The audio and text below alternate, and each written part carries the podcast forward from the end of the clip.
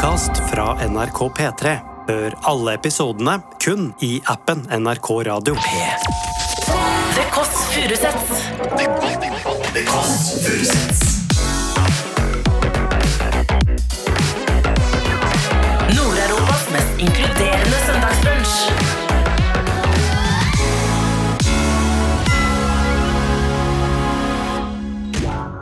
Mørk. Snodig, men samtidig smart humor. Undergrunnsfigur i norsk kulturliv. Høy intelligens og moral. Har du skrevet det selv? Ja. Det er faen meg det han sa. Hello, this is John Cleese. I believe you called me earlier this morning. Jeg er med i Maskorama nå. Ja, jeg Du hører The Kåss Furuseths. Bonjour, mine damer og herrer. Denne hviskende stemmen er Else Kåss Furuseth. Du hører på The Kåss Furuseth. Jeg er i Oslo sentrum, og i dag skal vi hjem til en eh, mann som jeg liker veldig godt. Erlend Mørk. Han er skuespiller og tekstforfatter. Du har sett han i Natt og dag-serier. Du har sett han i Sigurd Fokke Pult, Hvite gutter, og nå i Steinar og Erlend hjelper deg. Eller Erlend og Steinar hjelper deg. Rett og slett en slags forbruker, metaironisk serie på Discovery med et voldsomt hjerte også. Det som er, det som er med, Er- det som er med Erlend, at han- jeg innbiller meg at han ikke har empati, og at han er smartere enn oss alle. Og også, han har jo kjæreste som Jeg føler han kunne blitt incel-fyr, liksom, hvis det er lov å si det. Det er ikke et kompliment, men jeg skal ta det opp med han også, så det blir ikke baksnakking. Vi er ikke sånt program. Oi, oi, oi, glatt er det også. Vi skal ringe på nå, skal vi se. Skal vi se. Else, Erlend, du har henta, eller du får besøk. Det er bra. Ganske ikke spør om gå. Ikke gå, ikke, ikke kjør etasje, virker jeg. Nei, fordi man trenger jo ikke det, jeg er jo der. Ja, du vil ikke, fordi Er det pga. sånn sikkerhetshensyn? Nei, det er bare sånn, hvis du går oppover, så plutselig er jeg der. Jeg, jeg gjemmer meg ikke. Greit. Skal du ha motstand fra start? Er det sånn Truls og Hellstrøm-motstand du kjører, eller er det sånn alltid til folk? Du er sånn, ja. Ok, da går vi inn. ok, nå ble jeg i godt humør. Altså, det det, hva, hva er det, hvem er det han er? Og, og hvorfor ble jeg så innmari glad i han umiddelbart? Når han bare Der er du. Jeg ble veldig i godt humør av å høre stemmen din. Og så prøvde jeg å ha en sånn, sånn fin intro her, at jeg skulle være sånn Helene flytter inn. Så sa jeg sånn Hva er det med han som gjør at jeg blir så innmari i godt humør? Hva, hva er det med Erlend Mørk? Hva er det med deg som gjør at jeg blir så i godt humør? Ja. Så sa jeg også at du har kunnet blitt sånn incel-fyr, og nå hvis du ser på filmen her nå, at du skjønner hva jeg mener. For du har ganske avslappet stil. Men da bare jeg tenkt at du tar på klær eh, som en person som er mye ved dataen. Eh, dette er genseren til Morten Ramm sitt merke Njø. Ja, du får du penger for å si det. Nei, men driver du og kaller han klærne hans for incel-klær? Nei, nei, nei, nei, jeg gjør ikke det. Men er det bevisst hvordan du kler deg? Jeg var litt bevisst nå, fordi jeg hadde gått i dette om dere ikke kom på besøk. Og da tenkte jeg jeg skal ikke ta på noe annet fordi dere kommer. For du skal by på den virkelige Hellmilk? Ja. Her kan du se utover byens tak. ja. Hvor lenge har du bodd her? Eh, to år. Sammen med kjæresten din? Ja. Og vår hund, som jeg nå har sendt eh, på dør. Det var, det var eh, mer hjemmekos her enn jeg trodde. Hva betyr det? Det betyr at jeg nettopp... Du trodde jeg bodde i en garasje? ja, på en måte. Det betyr at jeg nettopp har sett eh, serien til deg Steinar, som jeg elsker. Ja. Og jeg er sånn journalist i gåsetegn, Ja, ja. så jeg kan si hva jeg mener. Mm. Jeg elsker den. Men da har jeg nettopp, når, når det er sånn bæsjing fra flytebrygge og oppkast og sånn, Mm. så tenker man at bare fordommen tilsier at en person som spyr masse på TV, ikke har det så hjemmekoselig hjemme. Ok.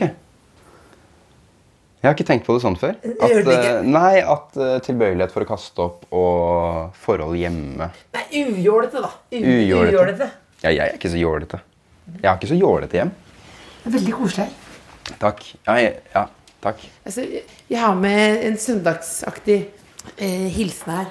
Ja, så hyggelig. Tusen takk for flotte blomster. Her, her er, det- så er det en ballegenser. Det er mørkt. Balle. Hvis, hvis livet er balle innimellom. D- Dette er incel-genser. Ja. Eh, Jeg syns fortsatt det er litt ubehagelig å ikke ha hilst på de andre som er Ja, det, kan, hjemmet mitt. ja, det ville du kanskje gjort, ja. ja. Hei, Erlend. Hei.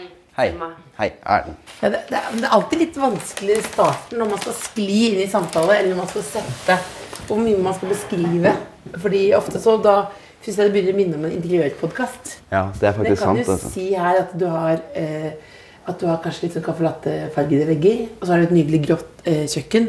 Og så har du en eh, eldre stol som du har arvet. Mm. Blant annet. Som er veldig koselig med vevet eh, rosa stoff.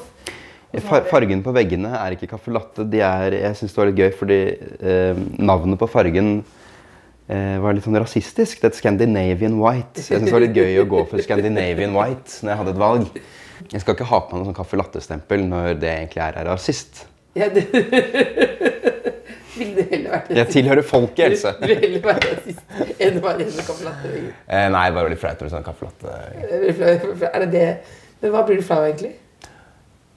Vet du hva? Jeg blir eh, Det skal utrolig mye til før jeg blir flau. Det var forresten god, god overgang. Nå skal jeg svare likevel. Eh, men en ting jeg blir ekstremt flau av, det er Skal vi danse. Er det? Ja, Det er der jeg knekker. Det har vært siden 2006. Jeg har ikke sett på det så mye før jeg så på det i fjor. eller noe sånt. Jeg så, tittet litt på, og jeg syns det er helt forferdelig å se de dommerne når de skal være så gira og rørt og sånn. Og det er egentlig ja, dommere i underholdningsprogrammer som later som de er rørt. Eller som er profesjonelt rørt. Da blir jeg veldig flau. Så du, du kjøper det aldri? Nei, nei, nei. Og også når, åh, jeg liker så godt han Nate, eksempel. Men når han skulle danse, og han plutselig dedikerte den ene sangen sin til uh, menns psykiske helse Ja. Det er bare en dans. og han skal liksom tenke ja, den her, altså, det er for alle gutta som sliter psykisk. Og så er det, Men det er jo gjennomgående når du sier, når du, sier, når du snakker om sånn psykisk helse, sånn, så er det jo det er ikke bare det temaet, det er alle, alle Ja, men- de der men også- eh, men også sånn, når, dansene. Når noen deler noe sånn, så sier de med en gang sånn ja, det, er, ikke- det er ikke for meg, eh, men jeg håper Ja. at det betyr noe for andre. Ja. Og det mener jeg at jeg har sagt sjøl. Og så det, det var for meg. ja, det var Det det. var, det var for meg. Og, men det, gjelder, det er også på sånne der eh, fredags- og lørdagsprogrammene hvor det er veldig sånn konstruert Mal. Ja, at det er sånn eh, Det er nærmest som de får utdelt en sak hver, liksom. Eller sånn ja. Konstruert sentimentalitet. da, At det er sånn Nå skal du Ja, du ser at de dommerne har liksom eh, få- fått utdelt sine roller. Og da, det er det jeg syns er litt pinlig. Jeg synes det, det er sikkert det er god underholdning og sikkert riktige valg som er tatt. Det er sånn det skal gjøres. Men jeg syns det er pinlig, siden du spurte. Jeg, jeg, jeg, så, men jeg lurer på om hvis jeg hadde vært som dommer, Mm. om jeg faktisk hadde blitt kanskje grepet, men at det hadde handlet mye om at nå er jeg her. Mm. Nå er jeg nå, se, på, se på meg, her sitter jeg. Og at, man, blir liksom, at man blir liksom sånn eh, eh, laddad, girad over sin egen sånn eksistens. Ja. Som handler mer om, liksom sånn, om å levere. Så det handler oftest om seg sjøl. Altså, ja, selvfølgelig. Det er jo narsissisme. Det er sånn det nærmeste jeg er å grine i hverdagen. Så jeg begynner å tenke på min egen begravelse, liksom. Vi er jo gærninger, vi i media. Eh, jeg refererer mye til Vøyen begravelse og sier sånn Da skal du bære kista. Sånn. Det er mørkt. Ja, det er, en, det, er, det er fordi du ønsker nærhet, og du ønsker at folk skal like deg. Jeg sier også noe om å du din egen ræv, da. Ja, men det, ikke sant? hvordan kan du få folk til å være så snille som mulig mot deg? Det er å minne dem på at du kan dø når som helst. Du sier at vi alle har noe narsissistisk i oss. Nå tenkte jeg på de dommerne i de konkurransene spesielt. da. Jeg må innrømme at jeg faktisk føler at jeg at jeg føler meg litt truffet av det du sier, selv om jeg ikke har vært eh, dommer i TV-program. Nei, jeg syns ikke du er så sentimental. Jeg- Men jeg, men jeg gråter lett, men det, ofte, men det blir ofte av, av latteren. Ja, men det, er, nei, det er noe helt annet. Du, Men ikke jeg, men jeg, mm, det jeg snakker om. men jeg, jeg var gjestedommer i Maskorama. Da fikk jeg et blaff av eh, Det tror jeg kan si uten å fornærme noen i Maskorama, for jeg likte det veldig godt. Ja. Men jeg fikk et blaff av eh, Er dette meningen med livet? Å, ja. Fordi når jeg sa 'snakke til ulven', da ble jeg rørt av Men, så, men det ble, da ble jeg rett og slett lei meg og tenkte Hva er det jeg holder på med i livet mitt? Helse? Jeg skjønner ikke hva jeg mener. Jo, men jeg skjønner at du tenkte det. Ja, For du hadde tenkt det samme, du òg. Ja. Og så tok jeg også at jeg koste meg veldig. ok, det er derfor du gråt at du skammet deg. Ja, ja, skammen er jo Skammen er jo Jeg er med i Maskorama nå. Er det? Ja, jeg Jeg er ikke det. Du er veldig morsom. Tusen takk. Jeg syns det er gøy å si um, det, var, egentlig- det er egentlig en vits jeg stjeler fra min venn Steinar. da. Ja. Jeg er veldig glad i spionasje og etterretning. Hvor kommer denne interessen fra? Hva skal jeg si? Det er det, er det at, at det er et fagfelt hvor, uh, hvor, eh, hvor jobben din og den liksom helt sånn bare militære oppgaven er å bli kjent med folk og få dem til å stole på deg. Og sakte skli et bekjentskap fordi de til slutt deler litt for mye med deg. liksom. At det er uh, en militær oppgave på lik linje med å treffe noe med et gevær. Det syns jeg er jævlig gøy. Hadde du likt å være spion? Nei. Og det er nettopp derfor jeg kunne vært en god spion. Fordi du vil ikke egentlig ha de som har skikkelig lyst til det. Men når du sier det med etterretning, sånn, så tenker jeg jo selvfølgelig også på at jeg vet at du har jobbet i Spyshop. Ja, ikke sant, ja. Ja, Det har ikke så mye med det å gjøre, for det er mer på sånn spionutstyr og sånn å gjøre. Men Kan du fortelle om hvordan det var å jobbe der? Ja, å jobbe i Spyshop var veldig spennende. Hva er egentlig Spyshop? Eh, Spy det er en butikk i toppen av Storosenteret som er best på alt innen overvåkning og sikkerhet. Og vi har en avtale om at eh, de ikke skal ta livet mitt hvis jeg bare passer på å inkludere dem i alt jeg lager. Så Sigurd jobber eksempel på Spyshop i Sigurd får ikke pult og sånt. da. Ja, fordi han kunne tatt deg på noe. Fordi du har delt for mye om hva Spyshop er? Nei da. er. Nei, jeg bare tøyser. Men hva slags type er det som har, kjøper overvåkningsutstyr? Det er alle mulige slags folk. Det er deg og meg, i delelse. Er det det? Ja, det er faktisk det, altså. Men det er også mye eh, Ganske mange i TV-bransjen, men det har jeg skjønt etter hvert. Det var fordi de skulle ha det til TV-opptak. da. Ja. altså, overvåknings- altså. Jeg var først sånn ah, han der vet jeg hvem er. Jaså? Men eh, du ikke å Du kjøpte ikke sånne ting og ble sånn overvåket hjemme og sånn? Nei, jeg gjorde ikke det. Det kan være litt fristende, kanskje? Ja, mange som trodde liksom Ja, men samtidig, det er sånn selv om du jobber på Jernia, så tar du ikke med deg en kniv for å angripe noen, på en måte. Nei. Selv om de er tilgjengelige. Hvis jeg hadde jobbet på bakeri, så hadde jeg tatt med boller hjem. Hvis jeg hadde jobbet på en klesbutikk, så hadde jeg brukt eh, prosenten og kjøpt billige klær. Ja, det skjønner jeg, men det er sånn, den spionasjen du kan gjøre med, med spionutstyr, kan du jo gjøre med telefonen din òg. Hvis det er å bare ta en telefon og sette den på opptak Ja. og lure noen. Jeg kunne satt en telefon på opptak her nå. Sagt sorry, jeg, bare, jeg er borte i ti minutter. Og så for å høre hva dere sier om meg bak min rygg. Ja. Dere har sagt sånn Shit, det går Hvordan skal vi få den til å åpne seg? Sånn. Men altså, øh, hvordan kom de på Eller de sier at dere har drømt om å lage det programmet. Erlend og Steinar hjelper deg. Ja. Eh, siden dere var små, er det sant? Eh, Hva slags program er det det er? Det er, et, liksom, det er jo et uh, bisarro, absurd forbrukerprogram. Jeg syns jo det er ganske bra, eh, må jeg innrømme. Vi har jobbet veldig hardt med det. Heldigvis har det resultert i at jeg er stolt av det. Men eh, det er, altså jeg, jeg pleier å pitche det som at uh, hvis Solveig Barstad var psykotisk TV 2 hjelper deg bare hvis programleder Solveig Barstad var psykotisk. Og enormt ressurssterk. Ja. Og villig til å bryte loven. ja. Så det, du, du, istedenfor å bare ringe på og si disse mobiltelefonene fungerte ikke, Mm. så tar du saken i egne hender og bryter loven innimellom. Ja, det er ganske mange lovbrudd i den serien. Jeg tror jo ikke det er lov det vi gjorde med den Elkjøp-TV-en f.eks. Der var jo casen at eh, en venn av meg hadde kjøpt en TV fra Elkjøp for noen år siden. Den viste seg å være brukt. Ja. Elkjøp trodde ikke på han da han sa at den åpenbart brukt. For han hadde oppdaget det litt sent, da, men den var jo logget inn på noen andres Netflix. Den var jo åpenbart brukt før.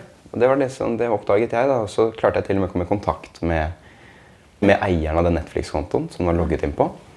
Sendte melding 'Hei, kan det hende du eide en TV av dette merket før?' og sånn, eller leverte Elkjøp. Så blir jeg oppringt, og da er det en fyr som sier 'Hvorfor faen driver du sånne meldinger til dattera mi? Hun er ni år gammel.'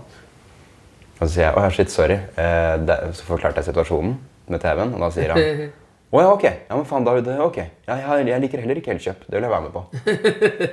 og så kommer det fram at han har ikke hatt den, den TV-en tidligere, men broren hans han driver og kjøper og selger mye TV-er. Og han ga en TV til dattera. Så sa jeg ok, shit, kan jeg få nummeret til broren din? Nei, vi snakker ikke med han lenger. Så der, men jeg hadde fått den informasjonen jeg trengte, nemlig at TV-en var brukt før. Så tre år senere, da. Så det var et lite familiedrama jeg havnet oppi der. Men eh, tre år senere så bestemte jeg meg da for faen, jeg skal sjekke om Elkjøp egentlig har lært siden sist. Ja. Så jeg kjøpte en TV, eh, ødela lydporten, som var det som hadde skjedd med den forrige. Logget inn på Netflix. Og sendte den tilbake til butikken. Ja. For å se om den selges som ny eller som brukt. Vi hadde også installert en tracker i TV-en. Så når noen kjøpte den, så så jeg på mobilen min at nå er den TV-en flytta seg bort på Rødtvet. Og da kontaktet vi de nye eierne, som kunne bekrefte at den var solgt som ny. Den var solgt som ny, Ja. Else. ja. Du er veldig god til å bli nå. Ja. Tusen takk.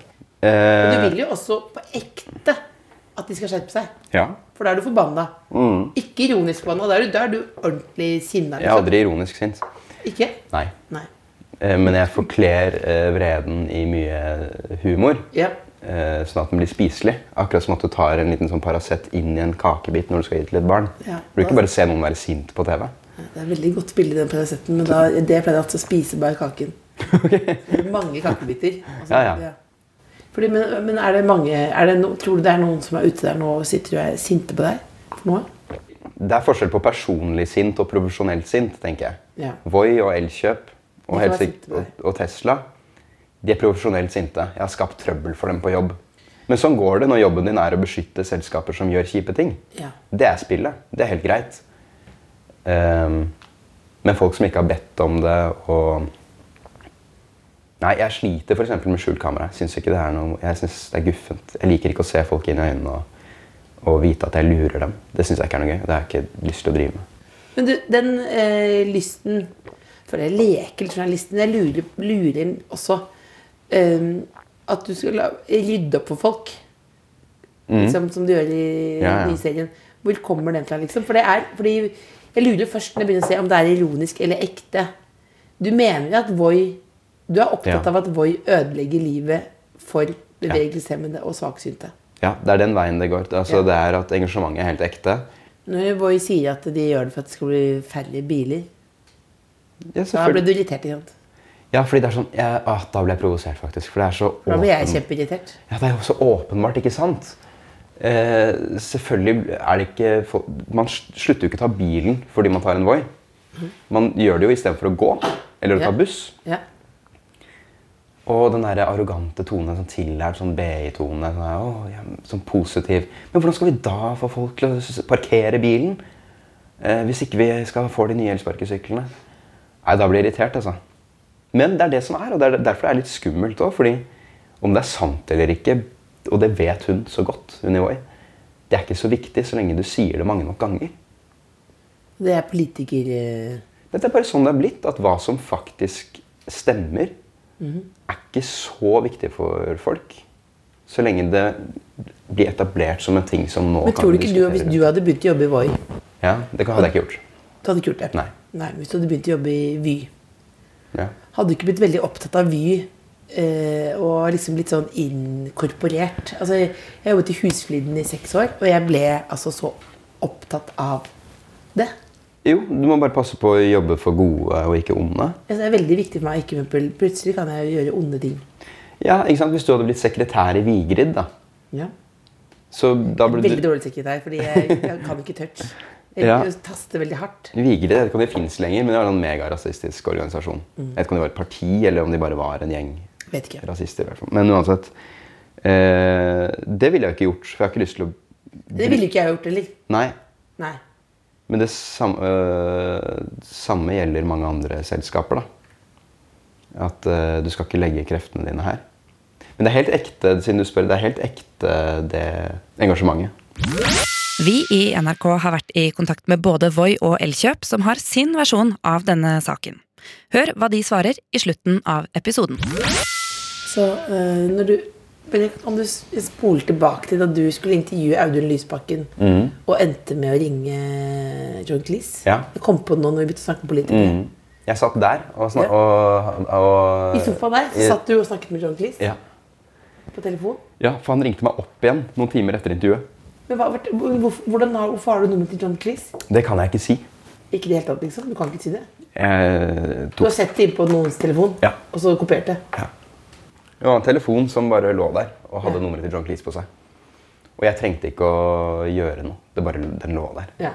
Og så hadde ikke jeg forventet at det nummeret faktisk skulle være nummeret til John Cleese syv-åtte år senere. Jeg tenkte kanskje det var en, en kontakt. Ja, eller et sånt nummer John Cleese hadde mens han var i Norge. eller et eller annet Ja. sånt, ja. Men at det var det personlige nummeret du faktisk når fram til John Cleese på i, syv år senere, det hadde jeg ikke trodd. Men det var veldig stas. Men da ringte, du prøvde å ringe han en gang, og så ringte han tilbake igjen.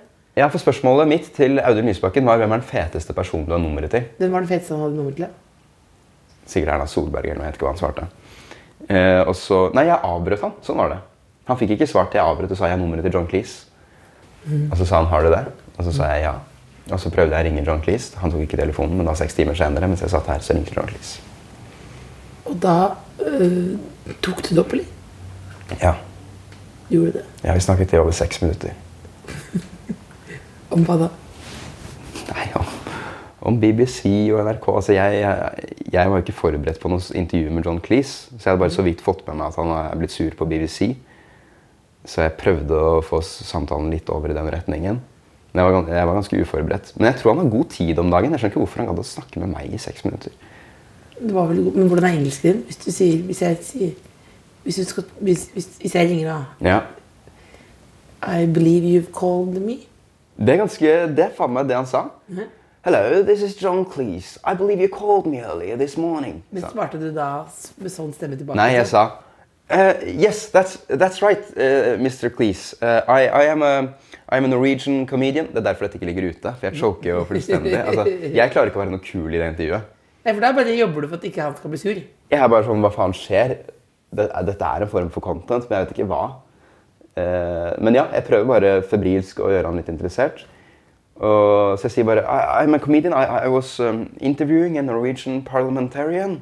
And uh, I asked him if he had any cool phone numbers, and then I, I said I had your number. Skal være ærlig. Ja, ja. ja jeg, var, jeg var ikke helt ærlig. For jeg, jeg sa på et tidspunkt, for å være helt ærlig, jeg sa To be honest, I didn't know this was actually your number. I just found a note on the ground that said This is John Cleese's number. Eh, Eh, som i praksis er det samme, da. Eh, og da lo han høyt. Da fikk du ikke til å le. Ja. Jeg fått John Cleese til å le. Og så hø eh, avviklet han samtalen på høflig vis. Ja. Midt i et resonnement jeg hadde. Og og da sa han I, I, I, I, I'm sorry, but this, this was uh, very pleasant, but I, I have to go now. Eller noe sånt. Så jeg, of course, Mr. Cleese. Da, da bruste det i blodet. Er litt, bare at jeg har ikke sett så mye Monty Python. Jeg bare, jeg Ikke heller? Nei, men jeg vet jo at han er en legende. Men jeg husker han egentlig best som eh, en karakter i, i et James Bond-spill på PlayStation 2. Å ja. Han spilte M, eller Q, altså han som har alt det utstyret. Jeg er Everything. mester av The Faulty Towers. Mm. Så var sterk serie. Life of Brian har jeg sett. Ikke sant? Ikke røp på den der. ikke røp det. Nei. Men du, da er du litt på en måte konfliktsky, men du virker som du er jeg, Min teori om deg er at du er null konfliktsky, null empatisk. Men det stemmer jo ikke, for du er empatisk. Jeg er eh, 0 konfliktsky og 100 empatisk. Det er sant. Um, men det er litt sånn selektiv empati. Jeg, jeg kan legge den til side hvis det er eh, moralsk rettferdiggjort. Og det er jo en del av i dette programmet. da. Liksom Å gå hardt mot Voi, f.eks. Gjør ingenting. Nei. Fordi altså, de, for å tjene penger, så aksepterer de en situasjon der de har gjort livet til blinde og handikappede ekstremt vanskelig å leve. De satser på at det skal løse seg. De satser på at et eller annet tidspunkt så klarer vi å overtale kommunen til å bli kvitt alle gateparkeringene, så alle sparkesyklene kan stå der og sånn. Men i mellomtiden så må det være sånn som det er nå. At sparkesyklene står overalt. Hvis du Og- mener at de burde vente til det er parkeringsplasser til syklene. Ikke hvis de ønsker å tjene penger. Da burde de gjøre akkurat det de gjør. Ja. Men hvis de hadde vært, hatt en bedre moral, Ja. så mener jeg ja. Det er sant, Jeg snakket med en i Blindeforbundet som fortalte om en blind som bodde på Grünerløkka. Som rett og slett har solgt leiligheten sin og flytta. Kunne ikke bo der lenger. Det, ble, det gikk ikke. Nei. Nei, jeg bor rett ved Blindeforbundet, så jeg vet at dette er et reelt problem. Ja, ja. Ja. Så ja, men Voice-saken er den hvor jeg er mest engasjert eh, på ekte selv. Og jeg kjører masse Voice selv, skal jeg ærlig innrømme. Du parkerer den ordentlig. Parkerer den ordentlig og tillater meg noen ganger å kommentere. I hvert fall folk som ser ut som de er fysisk svakere enn meg, så tør jeg kommentere parkeringen deres. Hva sier du da? Fint om du parkerer den inntil veggen, folk skal, så folk kommer seg forbi. Å, det er vondt. Tilsnakk på gata. Vet du hva, jeg, det- skal jeg være helt ærlig, jeg, jeg vet ikke om jeg har gjort det faktisk. Jeg, jeg tar heller og flytter sykkelen etter det har gått. Du gjør det. Jeg tror ikke jeg har tatt det er ikke konfrontasjon. Sånn. Ja, for du er, ikke, du er jo ikke Nei, jeg gidder ikke å være han fyren ute i gata. Det er ikke at jeg ikke tør, det er bare sånn, hva tjener jeg på det? Det er jo at jeg ikke gjør det igjen, kanskje da. Ja, så Du er litt konfliktsky. Nei, jeg er veldig Jeg føler at hvis jeg ønsker å ta opp noe, så syns jeg ofte det trumfer så høyt at eh, om det så er litt ubehag ved å ta opp noe, så gjør jeg det likevel. Var det sånn at du rakte opp og tok opp ting på skolen og sånn? Ja, hele tiden. Altfor mye. Jeg husker en gang på skolen hvor jeg bestemte meg for at eh, det var i femte Det hadde vært sommerferie. Første skoledag i 5. klasse. Så hadde jeg i løpet av sommerferien bestemt meg for at jeg skal slutte å snakke så mye i timen. Jeg skal bli litt sånn mystisk. Jeg hadde bestemt meg i løpet av sommerferien for at jeg skal bli mystisk. Jeg skal bli en sånn fyr som ikke sier så mye. Og... Kaste båret, bare? Hæ? Sitte bakerst med sånn lang Ja, jeg er litt sånn Aragon, liksom. i Ring som sitter der og er sånn mystisk. Så er det første time, og, og et eller annet spørsmål stilles. Jeg kan svaret. Det er ingen som, eller jeg vet ikke om jeg kan svaret, men det er ingen som rekker opp hånda. Det går kanskje syv-åtte sekunder før jeg er sånn Ok, fuck den mystiske personligheten. Og så rekker jeg opp hånda og er sånn Så hadde du ofte svaret, da. Ja, men veldig ofte hadde jeg det ikke også. Og det plaget meg ikke så mye. Det var det jeg merket. Jeg, jeg har ikke så mye mot å ta feil. Det syns jeg går helt greit. Jeg husker det var en gang jeg tok veldig feil på noe, og jeg så hun læreren. Hun likte meg ikke så godt, da, for jeg tror hun så en slags sånn Du vet den der 'carry yourself' Det er en sånn kopp hvor det står eh, 'Carry yourself with the confidence of a mediocre white man'. Ja. Jeg tror hun så på meg som den uh, Men når du var barn Ja, Hun så på ja. deg, hun så en sånn der, Ja. middelaldrende mann. Ja, hun og hun skjønte at du kom til å gå, gå deg bra i livet. Hun så en middelmådig hvit mann som kom til å klare seg. I meg. Og da var du ni år, liksom. Nei, jeg var kanskje 12-13. Ja. Eh, og hun, jeg så hun åh, Hun ble så glad når jeg hadde svart feil. Og hun kunne si Det er veldig feil. Og så lo liksom folk litt, da. Og da husker jeg tenkte sånn Nå skal jeg egentlig føle meg ydmyket, men jeg gjør ikke det.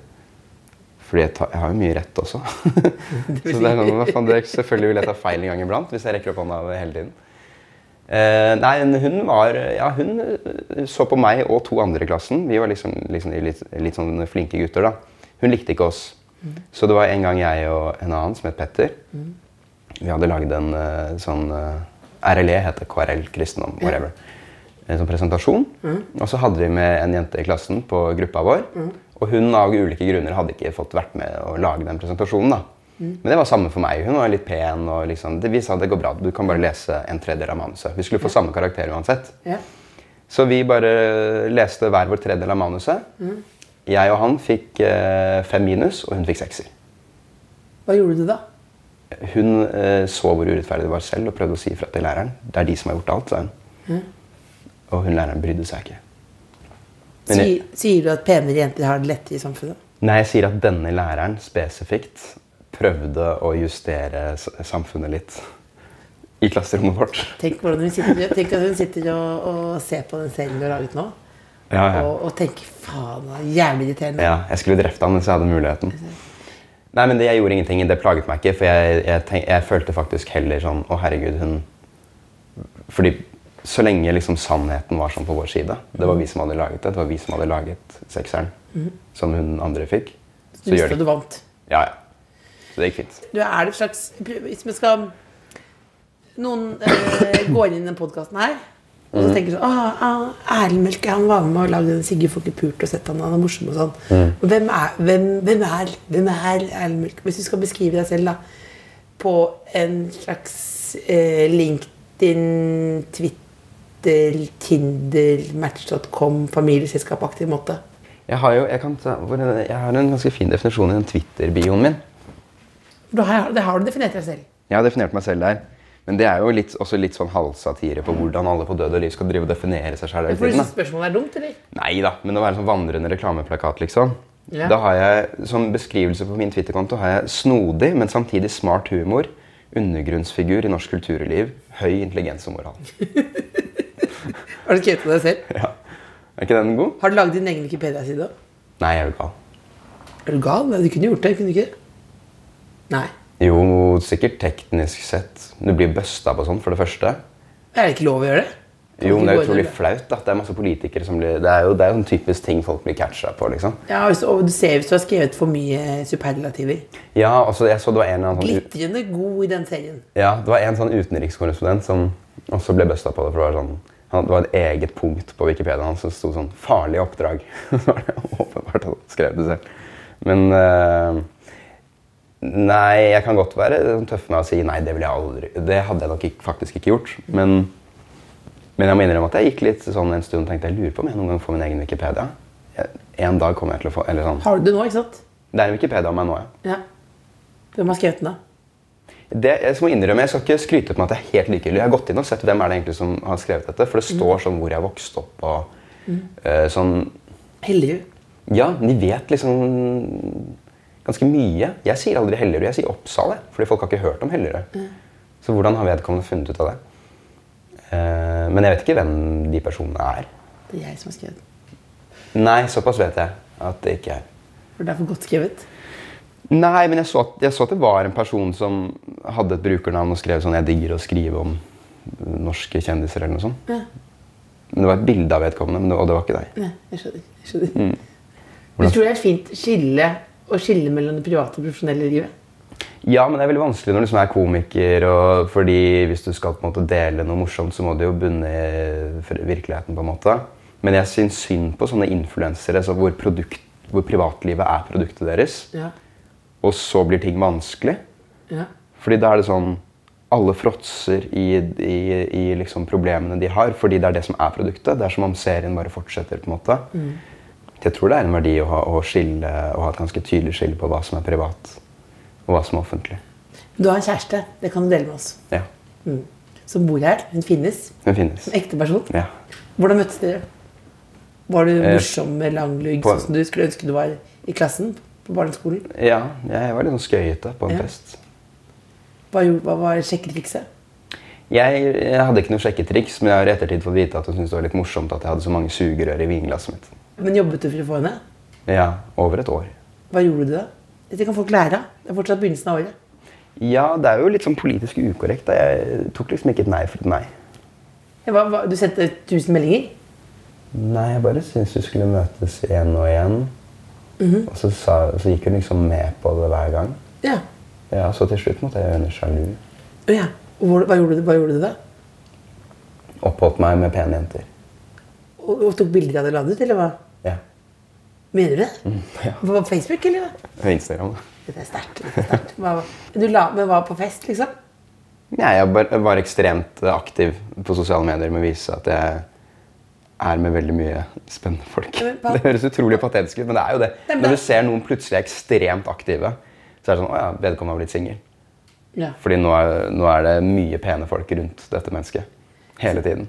Hvor bevisst var dette her, da? Du tenkte du jeg må gå på den festen, for da kan jeg ta et bilde og legge ut det bildet, så blir hun sjalu? Nei, det var mer en vedvarende eh, livsstil. Det sammenfalt jo veldig bra med at jeg var student og, og veldig glad i å drikke alkohol. Da, så det skjedde jo litt av seg selv også. Ja.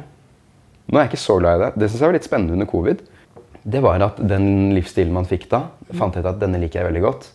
Og da covid sluttet, for jeg mener det har sluttet, eller jeg tror det. Jeg har ikke hørt Det er ikke sluttet. jeg har ikke- Ok. Pappa skal ikke klippe seg før det er helt over i hele verden. ok. Men, men, eh, men det er, Men uansett, det er sluttet måte i Norge. Da merket på en jeg at- måte. Ja, men da merket jeg at fader, det var digg å ikke skulle dra på ting hele tiden. Så jeg fant liksom en ny livsstil under covid, og har eh, bevart den. Hvor du lever mer som en uh... Jeg har en drøm, Else. Du må bli politiker, faktisk. Jeg har Jeg har lyst til å stemme på deg nå. Jeg har lyst til å stemme på deg. For jeg, jeg er veldig lett påvirkelig. da. Ja, Jeg har en veldig tro på at du er veldig intelligent, sånn som du skrev i din egen bio på Twitter. Jeg er ikke hyperintelligent, men det er en fordel. Jeg tror jeg balanserer veldig fint, for du har sånne IQ-folk. Da bikker det. Ja, for de er for, de er for eh, opptatt av én ting. Ja, de har så høy IQ at de tror at verden er en IQ-test. Ja. At, at uh, veldig vanskelige spørsmål som, hvor det er veldig mange ting å ta hensyn til, og som du må forstå, og som egentlig krever at du f.eks. kjenner veldig mange mennesker og kultur og sånne ting, de, Mitt inntrykk er at de ikke trenger å forholde seg til det, fordi de har så høy IQ. Så de kan bare bli presentert eh, Ukraina-konflikten nå, f.eks. ja. Eh, Unaturlig høy selvtillit. Ja, der kommer litt den koppen din som jeg snakket om tidligere med carry yourself with confidence. Altså, eh, jeg kaller det litt sånn IQ-koko, og det ser jeg ganske mange har. Være litt sånn IQ-idiot. Det er at du tror du skjønner alt fordi du har høy IQ. Fordi De har nok funnet ut ganske tidlig at de har IQ, og så tenker de jeg er så smart at jeg trenger egentlig ikke å sette meg inn i ting. Og jeg har så høy IQ at selvfølgelig er min mening verdifull i dette rommet. Mm. Litt, som- litt som en pene jente på en annen måte. Hun, jeg er så pen at jeg behøver kanskje ikke å gjøre den oppgaven her. Ja, og det, eh, det er litt spennende, fordi i utgangspunktet så er det jo sånn at pene, altså gode gener er gode gener. Hvis du er veldig pen, så skal du egentlig Nå er ikke jeg biolog, men jeg har hørt i hvert fall at da har de i utgangspunktet ofte bedre også evne til å lære seg ting og være smart. da. Men hvis du er veldig pen veldig tidlig og veit at du skal være det en stund, så tror jeg det er mange som ikke de begynner aldri å dyrke andre sider ved seg selv. Det gjelder også de kjekkasene på ungdomsskolen, både gutter og jenter.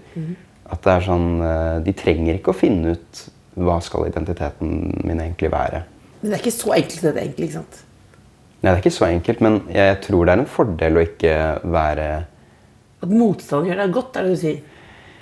Ja, at du blir tvunget til å i hvert fall finne noen sider av deg selv som du kan øh, jobbe med, da, som kan bli din identitet. Et område hvor du kan være flink øh, og hevde deg i. da. Og hvis du da bare er kjempepen, så trenger du egentlig ikke det.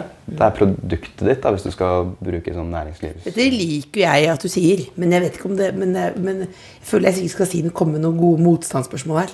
Men jeg har en teori om at eh, Eller pappa har sagt til meg da, at vi ikke må ta IQ-tester i vår familie. Okay. og jeg har tatt det, og jeg har tenkt at jeg ikke At IQ-testen fanger ikke opp min IQ. Ja, ja, åpenbart. Det er bare å se på folk med høy IQ. Stort sett er de jo, er de jo ganske dumme. Nå høres det ut som jeg er veldig bitter for ikke å ha IQ. Jeg har ikke tatt noen IQ-test, jeg aner ikke. Hvor tør du ikke å ta det? Jo, det kan jeg godt gjøre. Hvorfor tør du ikke ta det? Jeg har bare Da- aldri gjort det. Jeg jeg vi skal ta det sånn, Vi skal jo klippe denne episoden her litt. Grann, Mhm. Og så skal vi ta det, så kan vi legge inn at du ringer. Så kan vi ta det på at du ringer, og så sier du hva resultatet er. Ok. For Det kunne være fint å vite, for da vet man hvem er det vi har hørt på nå. Ja. Men skal vi holde oss til dette her? Nå får jeg veldig lyst til å svare hvis noen- hvis noen 70. savner- Jeg, etterpå, jeg kommer etterpå og tenker har vi såret noen i denne episoden. her? Har jeg ikke stilt gode nok spørsmål? Unnskyld. Mm. Da kan jeg vite at jeg har lav IQ. Så vet vi det. Men det er godt å vite hvordan de skal tenke på deg. da Mm. Siden jeg presenterer deg som en slags gudfar her. Ja, men jeg føler, jeg, men jeg føler ikke vi har kommet inn på så veldig spennende temaer ennå. Syns du det er skuffende? Jeg, skal, jeg vil skal snakke om bysten. Ja, ja, det er da en byste av meg selv. Som det er helt vanlig å ha en byste av seg selv i vinduskarmen. Ja, men Det er ikke helt vanlig, men er det en pris? Nei, det er min eh, bestefar. Han var kunstner. Aksel Mørk. Og han lagde da to byster av meg da jeg var ti år gammel. Er det en, Hvis det begynner å brenne, er det den tingen du tar med deg ut av? Nei, for jeg har jo en annen. Ja. Så hva ville du tatt med deg nå kommer ja, det- herfra, i det- det er veldig i sånn dette hjemmet, Veldig sånn Vogue-aktig spørsmål, ikke det? Hva Ja. du tatt med deg ut herfra? Eller det men vil det vet jeg jo, fordi det begynte jo å brenne her om dagen. Eller det var brannalarm. Ja. Og da, Jeg hadde nettopp sett denne filmen 'Turist' av Ruben Østlund. Ja. Hvor forholdet kollapser fordi de tror det kommer eh, et snøskred. Og de sitter en hel familie, da, mor, far og to barn, sitter på en liten restaurant i, i bakken der. Og snøskredet kommer, og i, akkurat idet de blir redde og de tror det er alvor, så tar han mobilen og beiner fra familien. Så viste det seg at det ble ingenting. Eh, All liksom, snøføyken daler. Det var ikke farlig. Han kommer tilbake. Men illusjonen om at han er en fyr som stiller opp i en farlig situasjon, den eh, brast. Ja. Så forholdet blir jo ødelagt. Så da brannalarmen gikk her et par dager etterpå, da var jeg jævla god. altså. Da var det bikkja og dama, og de skulle gå først. Ja. Men du tenkte da på filmen? Nei, men jeg har tenkt såpass mye på det, eh, så jeg på en måte ladet opp. For jeg tror du kan trene opp hvordan du handler i en prekær situasjon. Og jeg har trent opp at du må passe på å ikke være, ikke være han fyren i den slumfilmen. Jeg har vært den eh, fyren eller den dama, da. Okay. Jeg var, var i London, og så gikk brannalarmen. Jeg lå på rommet med søsteren min. Ja. Og så hun var kjempe, hoppet opp, så sa jeg sånn Dyttet henne, dytte henne, tok hånden over henne i dobbeltsengen og presset henne. Så sa det er ingenting. Det er aldri brann. Mm. Og så, og så begynte hun å gråte. Bare, det er ingenting, det er ikke brann. Og så bare sovnet jeg igjen. Og så våkner jeg av at det hamrer på døren. Det er pappa som står i bokseren. Og hele hotellet står i flammer. Mm. Og jeg prøvde å drepe oss begge da. Det brant ble- faktisk. Det ble en ting. Det ble, samtidig så føler jeg at hun Jeg har masse ting på henne også. Mm. Men uh, hvis jeg hadde vært gift, hadde det kanskje vært annerledes. Jeg opplevde også en brannalarm en gang eh, da jeg bodde på Torshov. Ja. Men da våknet jeg ikke av brannalarmen, da våknet jeg at en brannmann banket på døra. Og sa 'get the fuck out', bare på norsk brannmannsspråk, som jeg ikke husker hva var. Da var jeg åpenbart den eneste som tok det på alvor, for jeg løp jo bare ut i bokseren. Hva hadde de andre på seg? Masse klær! De hadde tatt på seg sko og jakker, og det var ikke måte på. Og, vi måtte, og siden det var litt ekte brann, altså en garasje eller noe sånt, så måtte vi stå der et par timers tid. I bokseren? Ja, jeg hadde ikke sko Men du fikk jo ikke noe Da måtte noen kaste et klede. Nei, jeg ringte en kompis som bodde i nærheten og sa kan jeg, jeg må bare, kan jeg sove litt hos deg nå? Eller være, jeg trenger ly. Det, veldig, det skulle jeg ønske jeg hadde gått, eh, kjørt forbi i Ja. buss og så sett Men jeg ble skuffa. Altså, men det er det jeg mener med å ta brannalarm på alvor. De andre hadde åpenbart ikke gjort det. Fordi Jeg- han kom og dunka på døra. Jeg må innrømme at jeg tenker på det når jeg legger meg. Ja. At hvis det brenner, hva skal jeg ha på meg når jeg går ut? Mm. Og Derfor så sover jeg i sånn flanellspysj. da. det er greit. Ja, ikke sant, ja. Men det sier kanskje bare at jeg er for bekymret person. Ja, det syns jeg egentlig. Ja, det er noe annet igjen. Ja. Ja. Men, men det skal nevnes litt folkeopplysning her. Jeg burde, hvis jeg faktisk tok dette på alvor, så burde jeg tatt på meg sko. For det kan være veldig varmt her og der. Ja. Så da gjelder det å ha på seg sko. Så du kan løpe ut i, i trygghet. Hvis jeg, om du er politiker eller du starter en religion jeg, Mm. Du hadde blitt med? Jeg er blitt med. Det vil si, hvis det eh, brenner, ta på deg sko, for det kan være varmt her og der. Mm. Da kan du løpe i trygghet. Nå skal vi avslutte. eh, Du skal si en hilsen til det norske folk. En hilsen til det norske folk. Ja. Gjerne som bringer litt håp, tenker kanskje jeg, da. Ja. Håp, glede, Jeg får velge en liten kampsak. da. Min hilsen til det norske folk, Ja. det vil være å ikke diskutere ting på internett. Ikke gjør det. De appene de er designet for konflikt. Ikke diskuter ting på internett noen gang. Og hvis du er uenig med noen som har skrevet noe, send dem en e-post. Da blir det siste ord. Mhm. God søndag. Jo, send det. Hei, Else. Du, jeg skulle bare si at jeg tror jeg dropper å ta en sånn eh, IQ-test. Og det er det to grunner til. Én, jeg er redd for å få et dårlig resultat. Og to, jeg er redd for å få et godt resultat. Eh, Jeg trives eh, egentlig greit med å ikke vite hvor høy IQ jeg har. Og jeg syns IQ skal være en privatsak. Og det er ikke sånn at jeg nå har tatt en IQ-test og fått et dårlig resultat og skammer meg og prøver å, å, å legge skjul på det. Det er ikke det som har skjedd. Det, det må du bare tro meg på. Jeg bare ble litt stressa av tanken. Jeg har ikke lyst til å ta IQ-test. Hei! NRK har vært i kontakt med Voi, som ikke kjenner seg igjen i det Erlend Mørk beskriver, og sier de hver dag jobber for å sikre et trygt og tilgjengelig tilbud som ikke går på bekostning av andres fremkommelighet. De skriver også at de annet har utviklet en veileder for god parkering sammen med Blindeforbundet. NRK har også vært i kontakt med Elkjøp. De påpeker at uåpnede varer som blir tilbakelevert innenfor 50 dager, selges som nye. Alle andre varer som er åpnet, har en mangel, er skadet eller er reparert, skal selges med prisavslag. Elkjøp sier at TV-en som leveres tilbake i Erlend Mørks TV-stunt, var tydelig stripset, fremsto som uåpnet, og derfor endte opp med å bli videresolgt som ny. Elkjøp skriver at de antar at dette er gjort med hensikt, og mener det er misvisende i fremstillingen av denne saken, og at det setter en av deres kollegaer i en vanskelig situasjon, og det mener de er ugreit. De legger til at man ifølge norsk lovgivning er pålagt å opplyse om eventuelle skader som er påført produktet, når man leverer tilbake dette ved åpent kjøp. Du har hørt en podkast fra NRK P3. Hør alle episodene kun i appen NRK Radio. Hele historien. En podkast fra NRK. Er du der? Det er Geir. Ja, det er krise. Det er noen som har tatt fra bussen og drept mange. To ganger, med ti års mellomrom, blir Valdresekspressen kapret. I kveld, bussjåføren og en passasjer på Valdresekspressen ble angrepet med kniv. Det er fryktelig brutalt. Veldig målrettet. Han hogger for å drepe. Knivdrapene på Valdresekspressen hører du i appen NRK Radio.